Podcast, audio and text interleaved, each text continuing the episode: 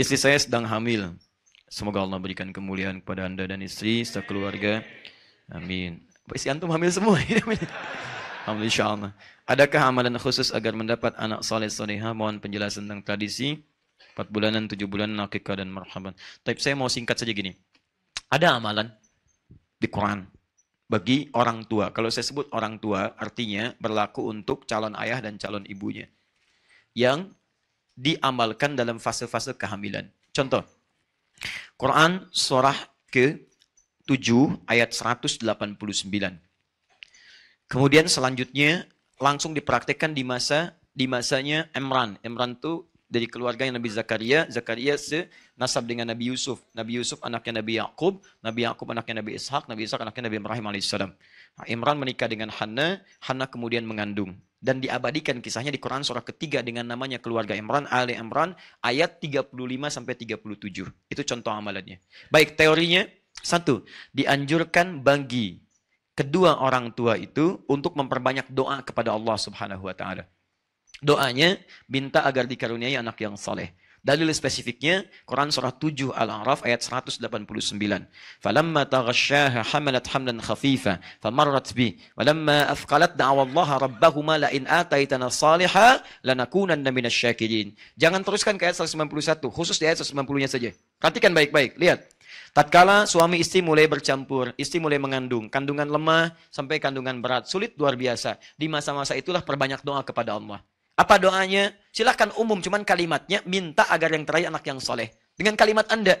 Misal, suami bermohon pada Allah dalam keheningan malam. Duhai Allah, di balik rasa sakit yang dirasakan oleh istri saya, ya Allah, dalam perjuangannya. Mohon ya Arab, ganti setiap sakitnya dengan lahirnya anak yang saleh dan saleh. Saya sangat bersyukur kalau engkau kabulkan. Istri berdoa, ya Allah, saya ridho, saya ikhlas menanggung semua rasa sakit ini. Berjuang demi amanahmu ya Arab. Tapi saya mohon ya Allah, ganti setiap sakit yang saya alami. Setiap resah yang saya rasakan, mohon ganti dengan lahirnya anak yang saleh. Saya sangat bersyukur jika engkau kabulkan itu.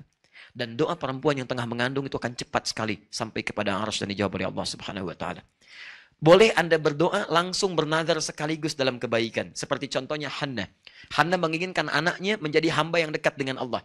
Jadi kalau sekarang misal ahli tafsir, ahli hadis, yang ini tidak. Langsung jadi abidah, hamba dekat dengan Allah. Contoh Quran surah 3 ayat 35, paling kiri pertengahan. إذ قالت امرأة عمران ربي إني نظرت لك ما في بطني محررا فتقبل مني Ingatlah, ingat itu artinya pelajari, pahami, ikuti kalau itu baik. Silahkan ingat, pelajari, pahami, ikuti kalau baik tentang kisah istrinya Imran. Kalau disebutkan dalam Quran kisah seseorang, tidak disebutkan nama lengkap ya kejadiannya kapan, artinya kisah itu bisa berulang di masa depan. Ingatlah, pelajari, pahami, ikuti tentang istrinya Imran yang ketika mengandung, dia bernazar kepada Allah dengan kandungannya. Ya Allah, saya bernazar dengan bayi yang dikandung ini. Mohon ya Allah, terima nazar saya. Jadikan anak ini anak yang saleh.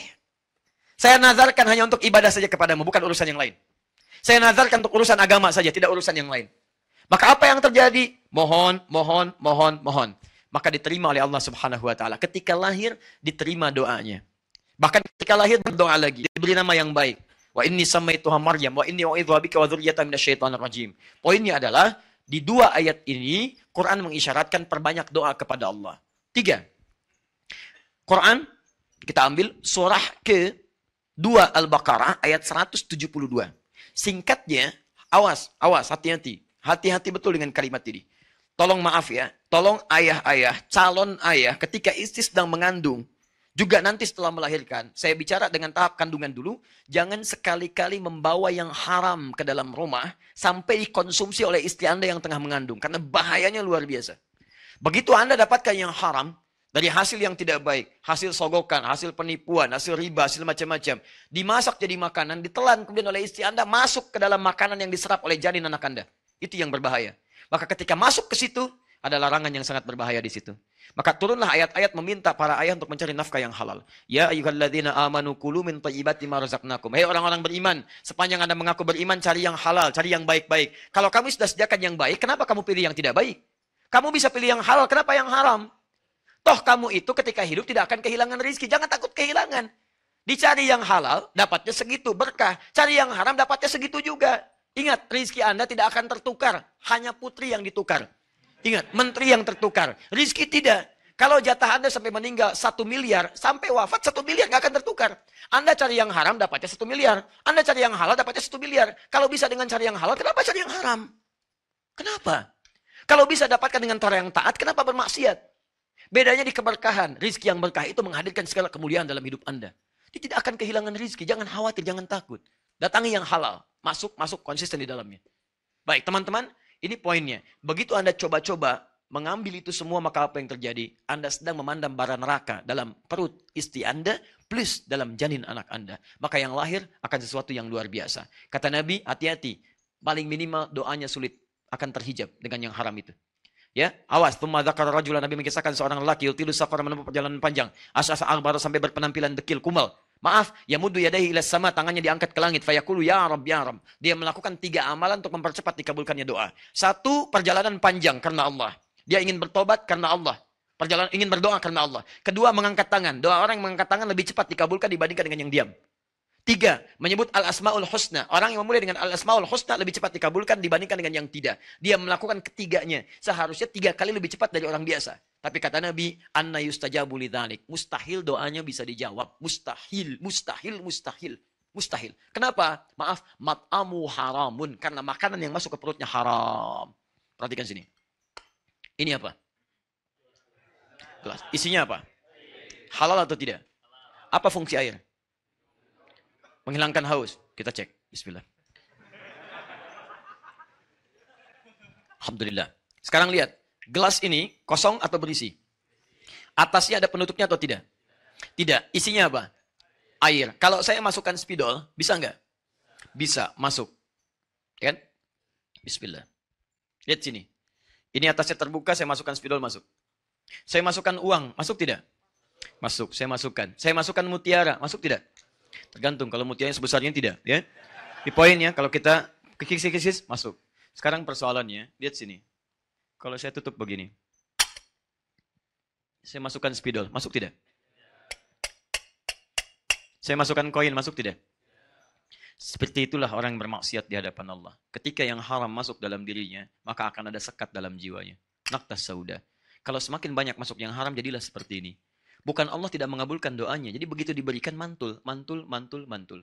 Yang paling bahaya, kalau yang haram masuk kemudian menyebar dengan darah, jadi daging.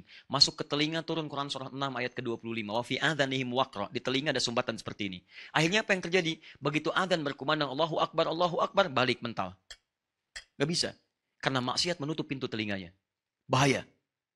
As-salatu khairum minan naum. Berubah. An-naumu khairum minas salat. Tidur. Tidur. Padahal rumah dia samping masjid. Speaker ke sini ke rumah dia. Gak bisa. Gak bisa. Tapi yang haram, karena haram ketemu haram, haram ketemu haram, nyambung. Konser musik, ada maksiatnya, ada jogetnya. Wah, 10 juta dibeli tiketnya habis. Samping rumah, majlis taklim. Gratis. Ustaznya datang sendiri, nulis sendiri, ngapus sendiri, direkam. Ada sarapan paginya, gak datang. Susah, samping rumah, susah. Kenapa? Karena perangkat hidupnya itu nyambung dengan yang sejenis life frekuensinya sama. Maksiat ketemu maksiat, taat ketemu taat.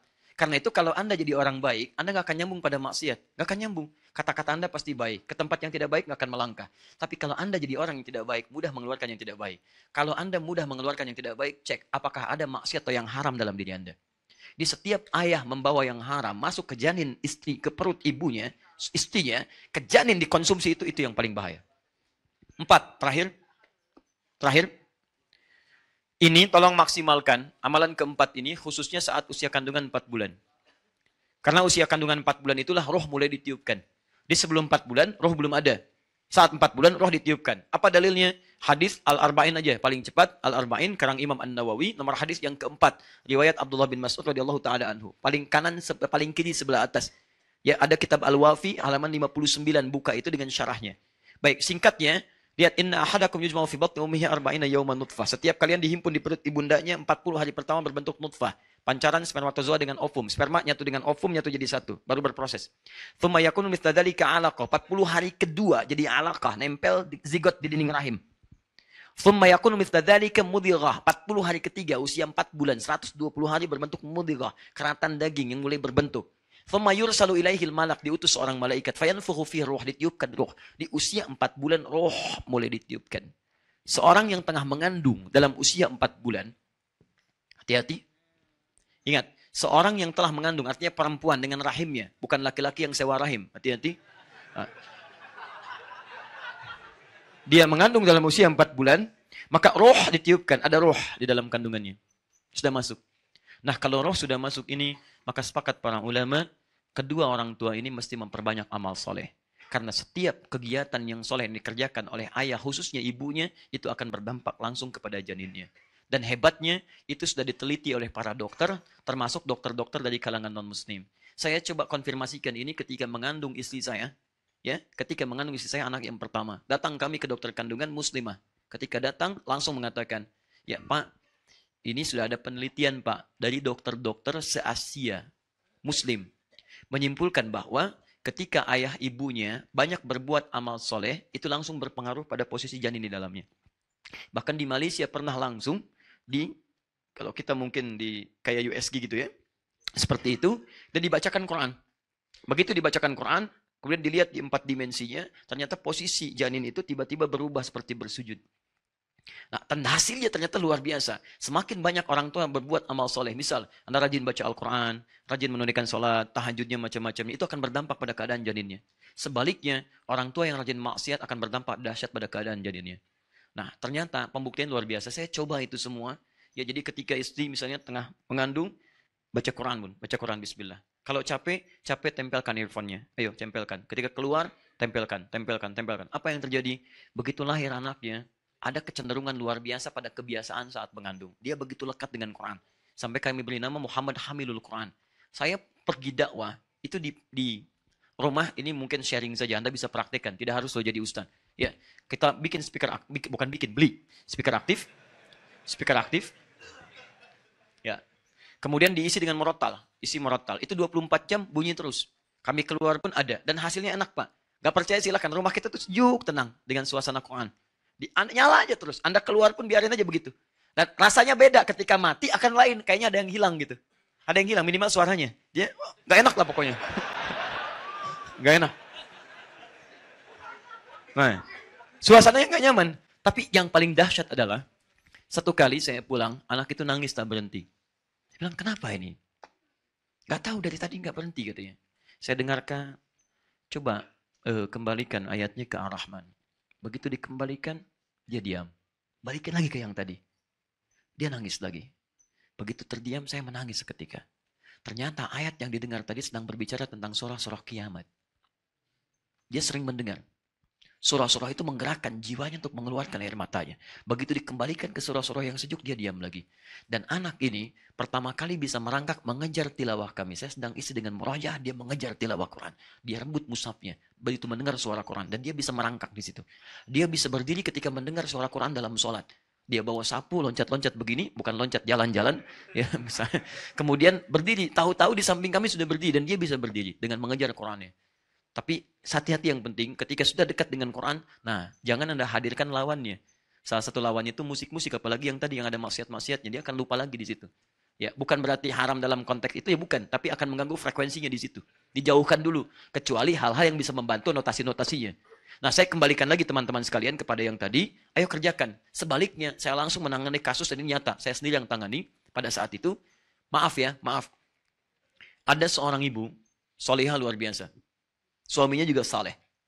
Datang bawa anaknya, belajar di kelas kami. Di awal-awal saya datang ke Indonesia, kemudian mengajar, 30 anak saya kumpulkan. Itu Masya Allah. Apa yang terjadi? Anak yang lain rapi, dia pun rapi, duduk gitu kan. Setelah itu mulai dia bergerak-bergerak. Setelah selesai pengajaran, tiba-tiba ibunya datang. Ustadz, saya terima kasih katanya. Kenapa terima kasih? Saya bingung. Kenapa bingung bu? Anak saya, kalau saya bawa ke mana pun, itu selalu saya tunggu di depan kelas. Lima menit pasti di, oleh gurunya diantarkan lagi. Oh begitu Bu ya? Kenapa? Ah, nggak tahu Ustaz, kok di sini bisa baik? Ya udah saya lihat dulu. Begitu pertemuan selanjutnya mulai muncul adatnya lagi.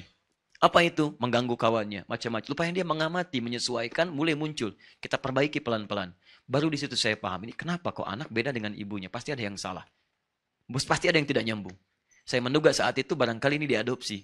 Ternyata betul ketika saya tanya, Ustadz mohon bisa dipahami anak itu sesungguhnya kami angkat adopsi, kami selamatkan bahasa dari seorang ibu yang mengandung anak kembar.